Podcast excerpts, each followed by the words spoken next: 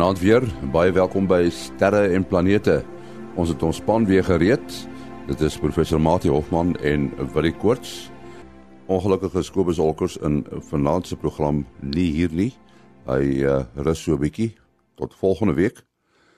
Maar ons het ruimte nuus wat geskryf word deur Herman Torin in Bloemfontein. Watermolekules hop bedas op die maan se oppervlak rond, blyk uit nuwe navorsing wat deur NASA bekend gemaak is. Sodra dit teen omtrent die middaguur warm genoeg geword het, begin die watermolekules in die baie dun atmosfeer op die maan rond te spring en kom eers teen die aand se kant weer tot ruste wanneer dit met die grond wat reeds afgekoel het in aanraking kom. Hierdie navorsing is nog nie voltooi nie, maar die bevinding sover is baie belangrik omdat water in waterstof en suurstof opgebreek kan word en as vuurpyl brandstof gebruik kan word. Die nuus kom te midde van NASA se begroting wat so aangepas word dat bemande reise na die maan kan realiseer en daarna 'n sending na Mars waar tydens monsters van die rooi planeet terug na die aarde toe gebring kan word. Die lansering van so 'n Mars-sending kan reeds in 2026 plaasvind. Die administrateur van NASA, Jim Bernstein, het die nuwe begrotingsvoorstelle geloof. Vir die eerste keer in 'n dekade het ons nou weer genoeg fondse om weer 'n bemande tuig tot by die maan en terug te kan kry. Wetenskaplikes het die sterkte van geweldige sterk winde wat deur die Sigar galaksie uitgeblaas word, bestudeer en vasgestel dat die wind wat uit die galaksie waai, die magneetveld met duisende ligjaar die buitenste ruimte indruk. Die galaksie is 12 miljoen ligjaar van die aarde af. Die ruimtewind bestaan uit stof en gas, vorm nuwe galaksies in die ruimte tussen die verskillende galaksies. Deur die verskynsel dop te hou, word geglo sal meer te wete gekom word oor hoe die vroegste galaksies gevorm het. Tot sover dan ruimte nuus geskryf deur Herman Torin daar in Bloemfontein. Nou ja, soos ek gesê het, ons het ons span weer hier. Dit is uh professor Mati Hofman daar van Bloemfontein, die digitale planetarium, die Boden Sterrewag en die Universiteit van die Vrystaat en ons man van die Kaap. Uh, dit is uh Willie Koorts van die SAAO. Nou ons kry uh, deesdae nogal vrae van luisteraars. Ons het mos gevra dat mense vir ons moet stuur. Ek wil net uh, dalk uh, hier in die begin sê dat mense moenie vra op Facebook vra nie jy moet daardie adres gebruik wat ek aan die einde van die program gee want dit is nou te moeilik om deur Facebook te blaai en vorige vrae op te soek en uh, dan neer te skryf. So gebruik asseblief die adres wat ek voorheen gegee het. Nou, uh Mati, jy het so 'n luisteraarsvraag gekry wat nogal interessant is. Van wie is dit? Ja, John Longland. Hy vra hierso, uh wat is die son se energieproduksie in vergelyking met die energieverbruik van die hele aarde?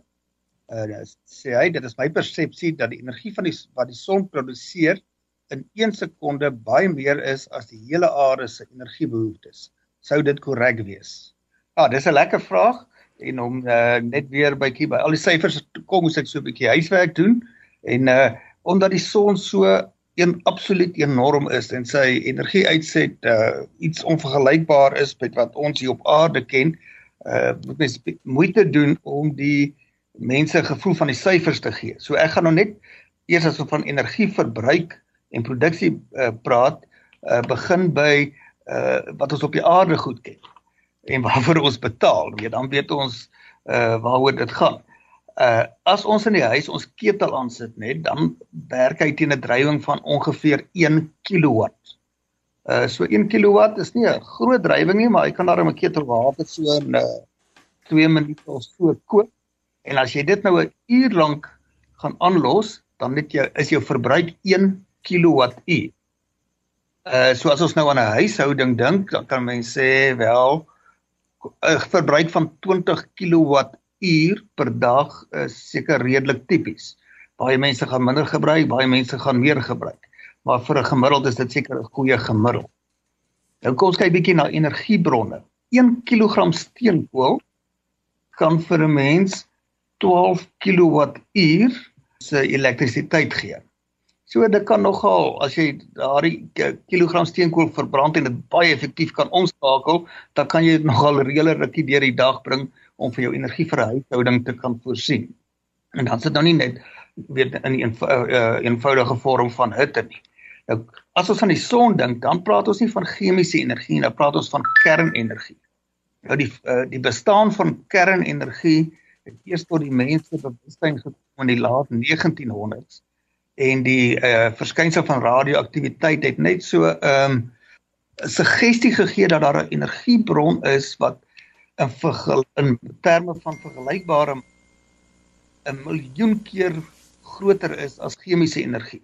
So ons het nou gesê 1 kg steenkool lewer omtrent uh, 12 kWh en 1 kg uran 235 ehm um, wat nou in die praktyk vermeng is met uh uran 238 maar as daar net die uran 235 se massa 1 kg is, dan kan jy 24 miljoen kilowattuur kry. Dit is 2 miljoen keer meer as 'n vergelykbare massa van steen. Nou om energie uit uran 235 te kry, maak ons gebruik van uh kernspluiting of klowing terwyl die son uh, se energie is nou die ander weergawe van kernenergie wat kernversmelting is. Maar dit is ook uh weet soort gelyke orde grootte per massa dat jy 'n geweldig klomp energie uit 'n klein bietjie massa omsetting uh kan kry.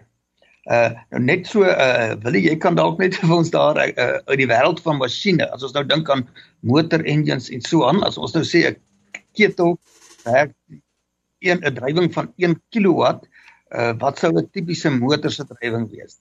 Uh is dit 'n 100 kW of is dit deesdae groter as dit? Ja, as ek nou so vinnig dink, ek dink jou jou gemiddelde noem dit nou maar 'n Golfie uh het hier rondom 'n 50 kW masjien in. So as jy hom vir 'n uur ry dan dan het jy netlik 50 kWh. Ja. So ek dink ek dink dis min of meer reg. Ja. Okay, en daarvoor sou jy uh 4 kg steenkool baie effektief moes verbrand en na elektrisiteit omskakel om om dit te kon doen. Okay, maar kom ons gaan nou 'n bietjie na die son toe. Die son werk teen 4 maal 10 tot die mag 23 kW. Wow. Nou kom ons druk kom ons druk dit nou eerder in megawatt uit. Uh of wag, kom ons gaan druk dit in gigawatt uit. Nou eers om 'n gevoel te gee, 'n groot kragstasie soos die Kuiberg kernkragstasie daar in naby Kaapstad werk teen ek rond nou maar af om die syfers makliker te maak, so net onder 2 gigawatt.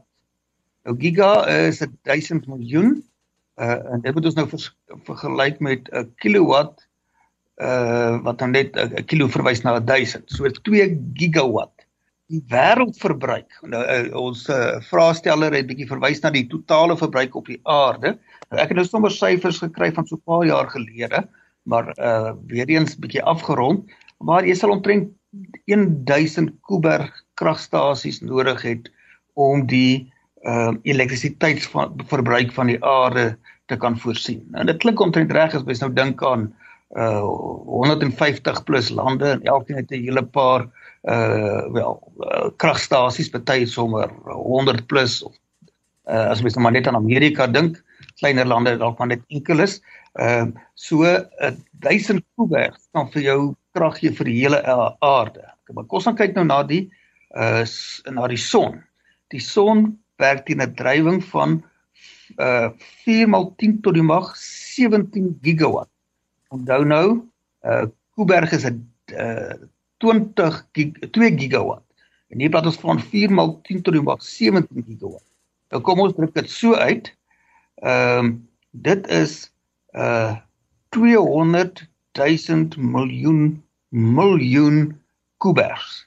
Wow. 200 000 miljoen miljoen. Dit is 'n verskriklike groot getal. En natuurlik net 'n klein fraksie van die son se energie kom uh, kom by ons uit. So ja, die son se uitset in 1 sekonde sou die aarde vir vir eeue aan die gang uh, kan hou. Ehm um, nou waar kry die son se energie deur kernsmelting en effektiewelik word massa omgeskakel in energie volgens Einstein se beroemde formule E is gelyk aan mc kwadraat. Dit is so 'n bietjie oorvie eenvoudig om dit so te stel. Eintlik sê uh die energie wat verskaf word is gelyk aan die verandering in massa maal die spoed van lig kwadraat. As jy dan nou die drywing van die son vat, 4 x 10 tot 26 watt en jy deel dit met die spoed van lig kwadraat, dan kom jy daarby uit dat die son massa verbrand teen uh 5000 miljoen kilogram per sekonde. 5000 miljoen kilogram per sekonde.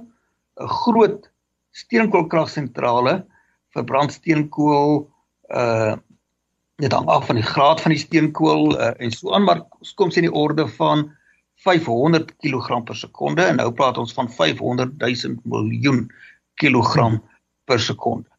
Nou uh so die die die son is iets van 'n heeltemal 'n ander orde.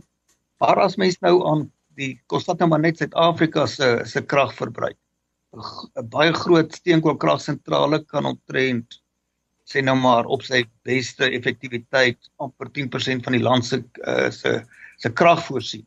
En as jy nou gaan somme maak, ek het baie mense dalk hierdie video op sosiale media gesien wat wys hoeveel uh vragmotors met steenkool daar na een van die kragstasies sta, uh, ry. Jy het iets soos wel ongeveer 30 100 ton vragmotors per uur nodig om 'n uh, groot kragsentrale van uh, steenkool te voorsien. Maar dis hoekom baie van hulle eerder die steenkool op bande aan mekaar die uh, kragsentrale invoer. Hoekom uh, jy en hoekom die steenkoolkragsentrale is uh verkieslik naby steenkoolmyne moet wees. Anderste het jy hierdie enorme impak op die op die vervoerstelsel met al hierdie vragmotors wat dit moet aanry. Maar dit is maar 'n absolute druppeltjie in terme van wat die son kan doen. Ja, dan moet ou nou weet die son is nie eintlik 'n baie groot ster nie, nê? ja, ja, hy's 'n uh, effens ondergemiddelde gemiddelde ster. Ehm um, ja, so uh, ek dink net ons menslike verwysingsraamwerk is so absoluut nietig dat om die orde groottes in die heelal te verstaan, dit vat 'n bietjie dit vat nogal 'n bietjie 'n poging. So daardie daardie sekonde wat die luisteraar van gepraat het, Ehm um, dit gaan nou seker eerder meer 'n millisekonde of 'n mikrosekonde wees. Ja, ek dink dit gaan so na mikrosekonde toe gaan. ja, ek weet nie, ek hoop die luisteraar het nou al, al die syfers gehoor. Miskien moet 'n mens na die pot gooi gaan luister want dit is 'n enorme uh, klomp syfers en uh, dit uh, dis enorme getalle. Mens kan eintlik dit uh, ja. nie eintlik in jou kop kry nie, né?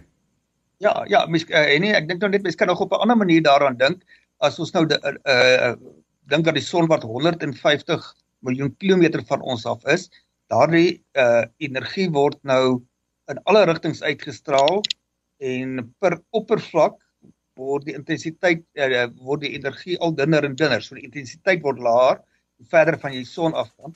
Maar ten spyte daarvan op die afstand van die aarde as ons al die son energie wat op die aarde inval in elektrisiteit sou omskep, dan sou kon omskep wat natuurlik onmoontlik is, uh, dan sou dit 'n absolute oorvloed van energie vir die aarde voorsien het, baie baie meer as wat ons nodig het. En dis op 'n afstand van 150 miljoen kilometer. As ek nou die die die syfers reg onthou, uh, wil jy as jy nou 'n uh, 'n vierkante meter vat en jy rig dit loodreg na die son toe, dan sit amper uh 1 kilowatt wat daarop val. So uh, jy kan op 'n vierkante meter se sonenergie as jy dit 100% na elektrisiteit kon omskep, sou jy dan 'n uh, ketel kon aandry. Maar dit is nou baie verdun hè. So om uh, genoeg sonenergie uit te kry vir op industriële skaal het jy 'n enorme oppervlaktes nodig en dit is hoekom uh ons nog maar vir baie lank baie meer gekonsentreerde energie sal nodig hê vir ten minste die nywerhede en die myne uh ons sal nie dit in die nabye toekoms sommer maklik uit oppervlakte kan kry nie. Dit sal baie dit dit kan gedoen word. Ehm uh, maar dit kom ook teen 'n prys. Absoluut. Ja, want dit is dis presies die getal wat ek ook nogal in my kop gehad het die daartoe ek het gekyk het na sonverwarmers en so aan. Ehm um, is is omtrent uh ek as ek reg onthou ja, die uh, uh kilowatt per vierkante meter Ehm um, maar uh, ek dink amper dit is wanneer hy wanneer jy nou nie die atmosfeer se effekte in ag neem en so aan nie. En natuurlik soos jy nou ook sê jou normale sonpanele is is baie oneffektief. Ek ek dink hulle effektiwiteit is is is hier by die 20% 30% daarom. Ja, ja dan is dit uh, al baie effektief. So Dis dis eintlik baie jy's reg. Ja. Terug was dit so 10%, maar dit het nou daarom al heel wat verbeter. Ja, uh, ons het nou uh, een luisteraar se vraag beantwoord. Wil jy het 'n uh, vraag gekry van 'n luisteraar, maar jy kon nie mooi hoor uh, wie dit was nie. Miskien kan jy net vir ons sê waaroor het hy gepraat of waaroor was die vraag? Ja, ja, ek het ongelukkig nie sy naam en ek dink ek dink ek het bestuur en die lyn was verskriklik swak geweest. Die persoon het verskoning gemaak en gesê uh as nie het nie e-pos en sulke klas van goeders nie.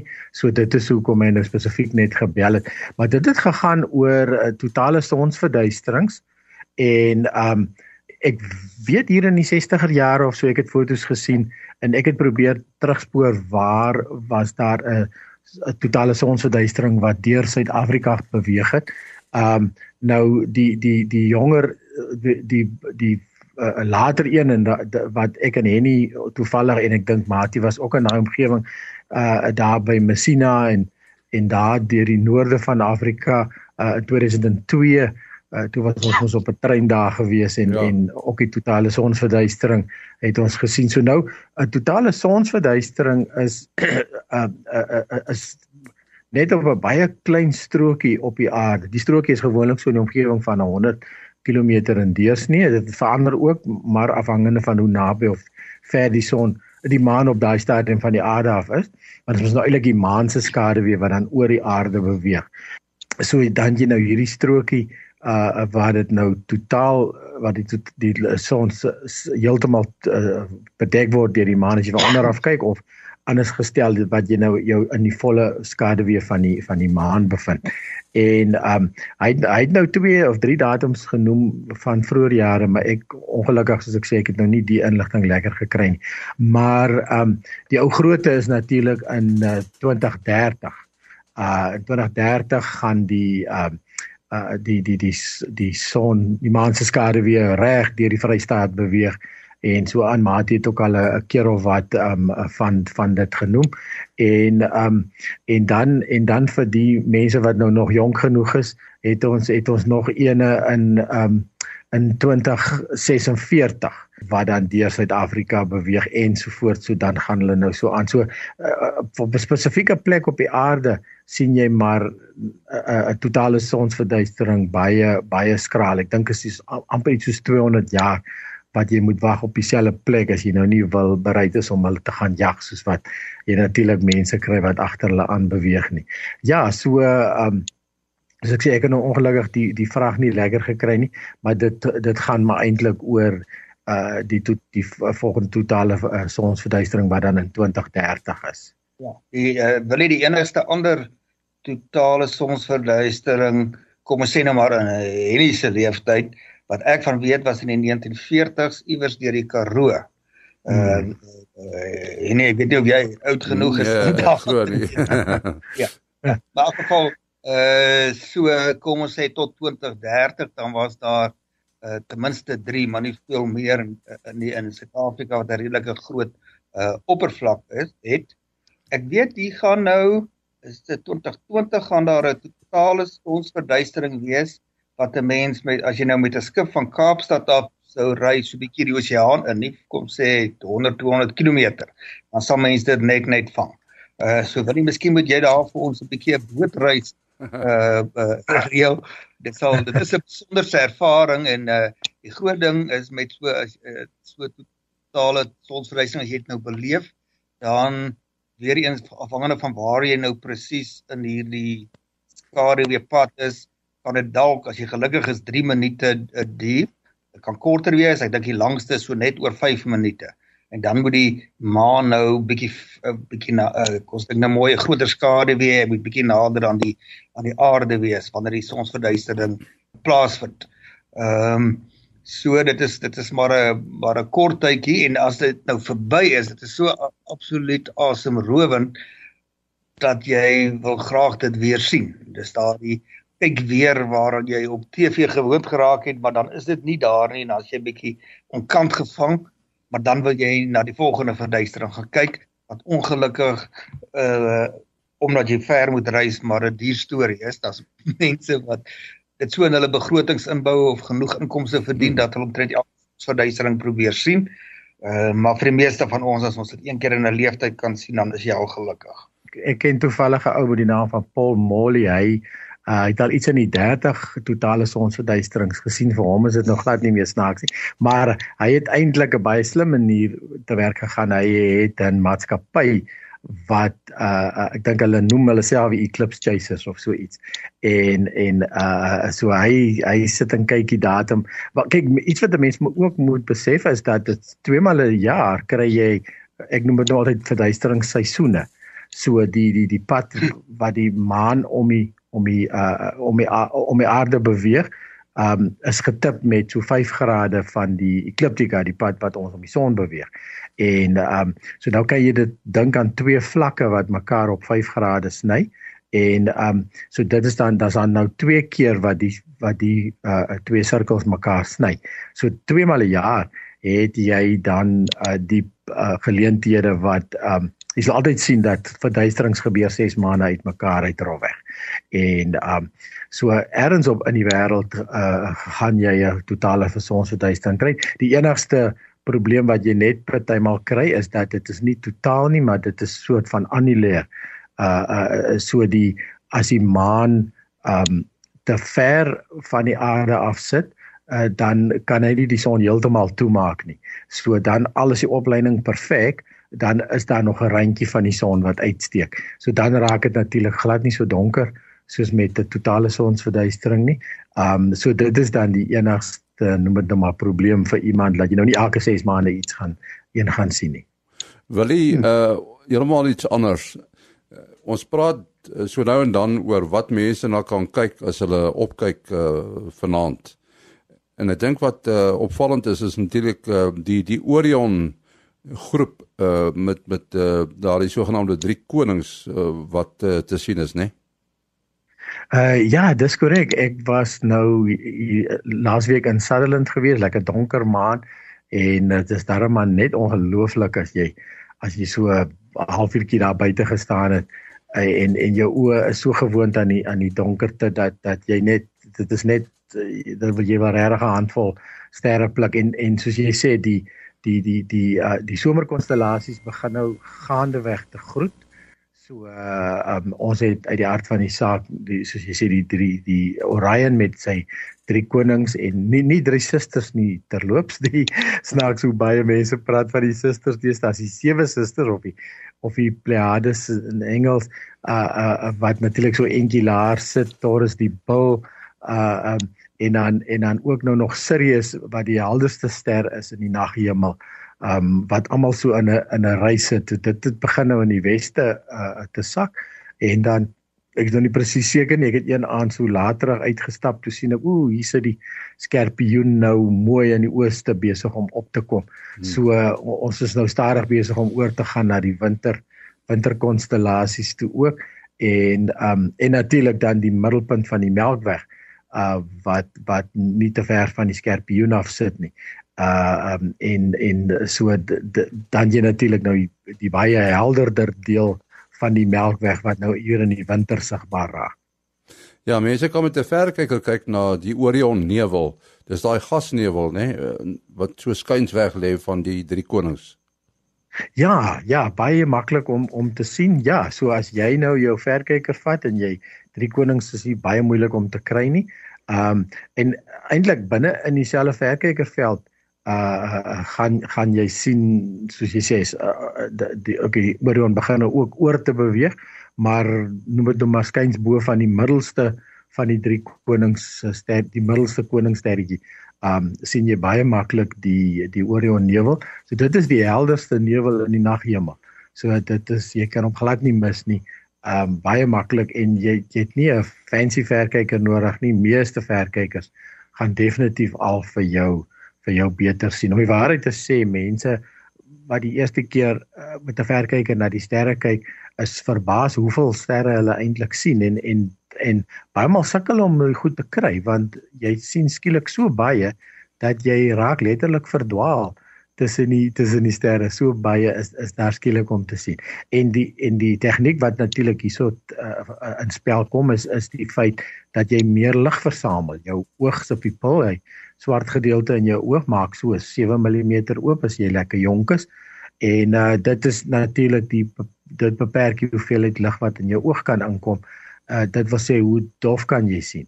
En die oomblik as jy dan 'n verkyker voor jou sit, dan is dit daai voorste lens uh, al die lig wat by daai voorste lens inkom uh, uh word op die ou end deur jou deur jou pupil in jou in jou oog ingesit en dit is hoekom jy skielik dan dan so baie uh, uh sterre gaan sien en dan daaruit lei jy onmiddellik af dat 'n uh, beter sterrekunde verkyker is een wat groter lense het. So groter jou lens, um hoe hoe hoe meer verlig versamel jy en hoe daaroor kan jy sien. En dis uit die aard van die saak dat teleskope dieselfde geval.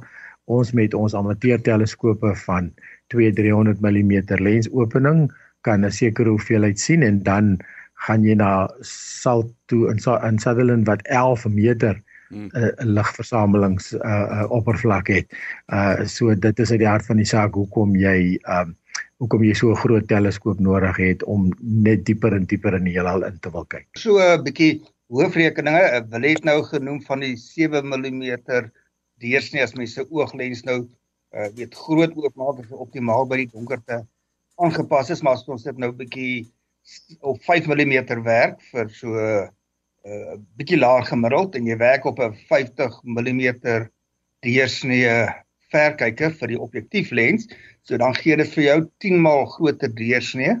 Wat dit beteken die oppervlak van daai lens is van die verkyker lens is uh 100 maal groter as die oppervlak van jou lens en jy kan dus 100 maal dowwer sterre sien met 'n verkyker as wat jy met die oog kan sien. En dit het dan onmiddellik die effek van jy kan baie baie meer sterre uh as ek nou moet ja, kan nou nie sommer maklik uitwerk hoeveel meer sterre nie, maar dit is baie 'n paar faktore van 10. Uh ja, so sê wat die kasrie skatting gemaak. Uh 50 maal meer sterre. Uh ja, wat ek het ook al die die getal van 100 maal gehoor, um wat rondgegooi word. So ek ek ek dink jou, jou sommetjie is spot on daar so as jy as jy sê 100 maal meer net. Dit is uh maar natuurlik uh die die die die sterre se helderheid is nou nie lineêr nie. So ja, soos elements kan dit dit is mos nou tot die mag 2.5 so dit dit maak dit weer 'n bietjie moeiliker.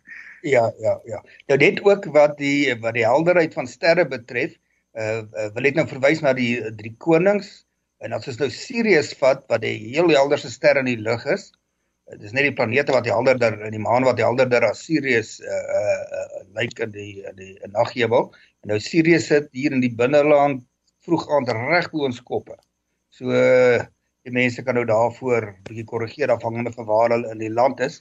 Nou Sirius is op 'n afstand van net onder die 10 ligjare. Uh nou kos vergelyk dit met die drie konings. Hulle lyk dowwer, maar nie soveel dowwer as Sirius nie, né? Maar hulle is in die orde van 1000 ligjare. So dit was hier so tussen 850 tot net oor die 1000 ligjare. So hulle is 100 maal verder uh ongeveer as Sirius en lyk nie veel dowwer nie. Dit moet natuurlik dan beteken dat in werklikheid hulle baie baie helderder sterre as Sirius is, want as jy 'n uh, afstand 100 maal verder gaan vanaf 'n ster, dan uh, word die die helderheid 10000 maal uh dowwer.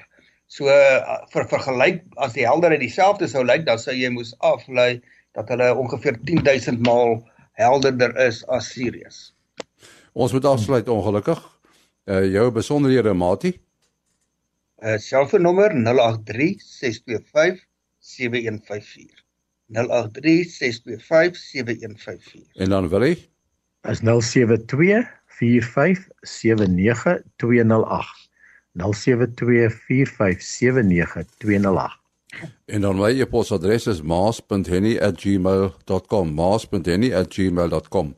Dit is dan die adres waarheen u u vrae kan stuur vir beantwoording in die program.